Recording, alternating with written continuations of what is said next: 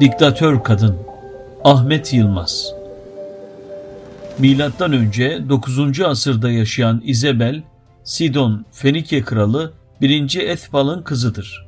İzebel'in kibirli, acımasız ve pervasız bir karakteri vardı. Prenses olması sebebiyle de güçlü bir konuma sahipti. İzebel daha sonra kuzeydeki İsrail krallığı olan Samarya'nın kralı Ahab ile evlenerek kraliçe oldu.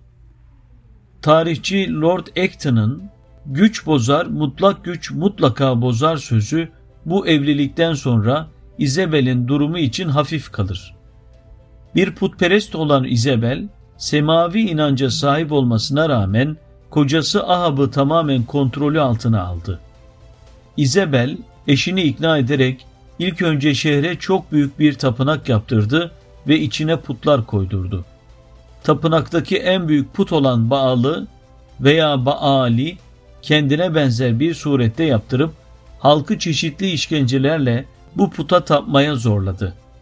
Önce bu puta tapmayı reddeden din adamlarını öldürtüp daha sonra halka zulmederek masum insanları Baal'e kurban ettirdi. O dönemde İzebel'in geldiği Fenike'de halk putperestti. Fenikeliler dağlara ve tepelere tapınaklar yapıp içine putlar yerleştirirler ve ilk doğan erkek çocuklarını kurban ederlerdi. Fenike mitolojisi daha sonra Yunan mitolojisine de kaynaklık etti. Kralın da putperestliğe hoşgörüsü sonucu ülke çapında Baal tapınakları çoğaldı. Halk putperestlik ve semavi inanç arasında kalıp ikiye bölündü. İzebel'in ne kadar tehlikeli bir kraliçe olduğu şu olaydan da açık olarak görülebilir. Kral Ahab saraya yakın bir kişinin çok beğendiği üzüm bağını satın almak istedi. Fakat bağın sahibi mülkünü satmadı. İzebel bu duruma çok sinirlenerek hemen bir çözüm buldu. O kişinin krala ve putlara hakaret ettiğini yalancı şahitlerle yayarak halka duyurdu. Sonuçta bu iftirasıyla o kişiyi taşlatarak öldürttü ve üzüm bağını kocasının mülkü yaptı.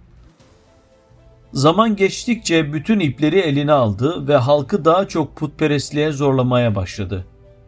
Yalancı peygamberlerini kendisi seçmeye ve kendini de ilah zannetmeye başladı.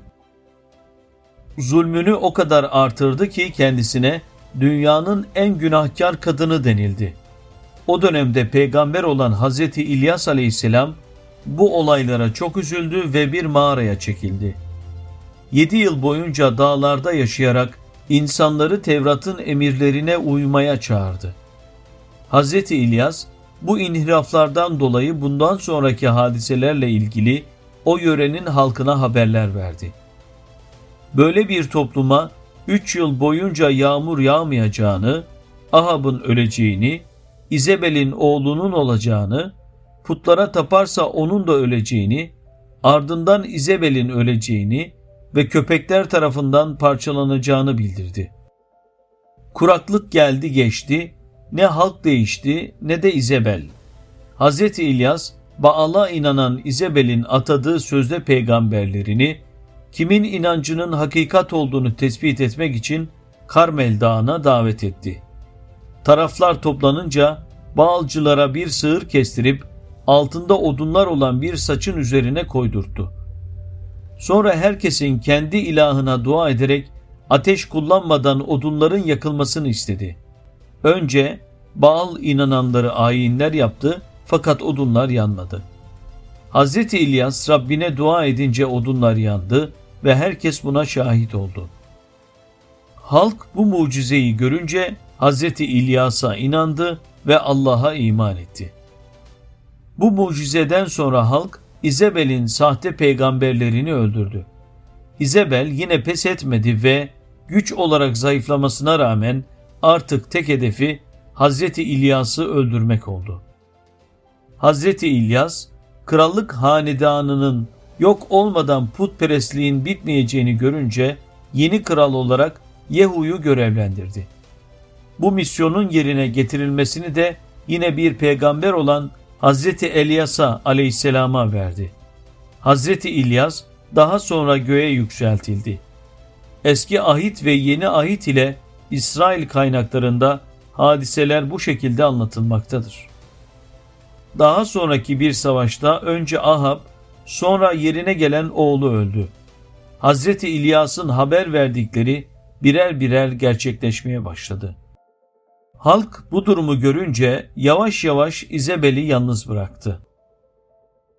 Kral Yehu askerleriyle İzebel'in sarayını kuşattı. İzebel surlara çıkıp Kral Yehu ile alay ederken hizmetkarları onu surlardan aşağı attı. İzebel'i önce atlar çiğnedi, sonra bedenini köpekler parçaladı. Milattan önce 9. asırdan kalma bir mühür 1964'te bulunmuştur. Üzerinde İzebel'e ait yazmaktadır.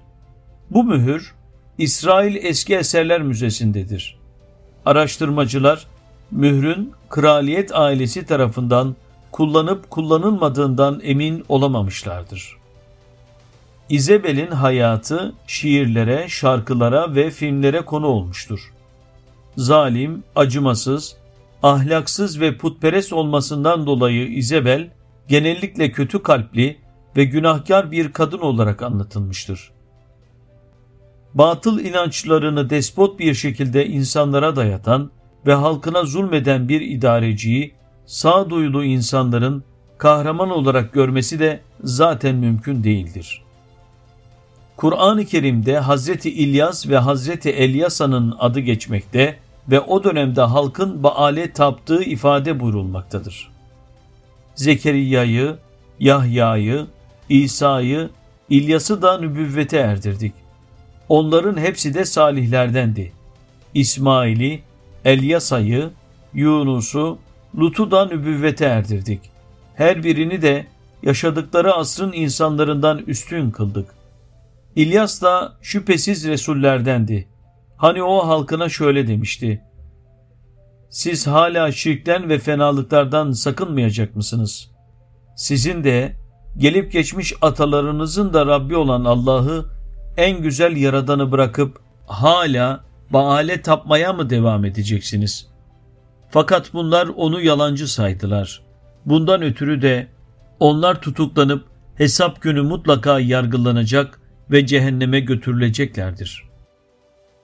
Diktatörlükte tek adam veya tek kadın fark etmiyor.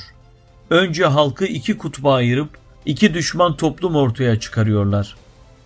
Diktatörler cerbeze ve yalanlarıyla halkı peşinden sürüklemeyi iyi biliyorlar. İzebel de çok güçlüydü, kibri had safhadaydı. İftira ile o da başkalarının mallarını gasp etti, herkesi hor ve hakir gördü, hiç ölmeyeceğini zannetti, çoluk çocuk, genç yaşlı demeden herkese zulmetti ve Allah Celle Celaluhu'ya isyan etti.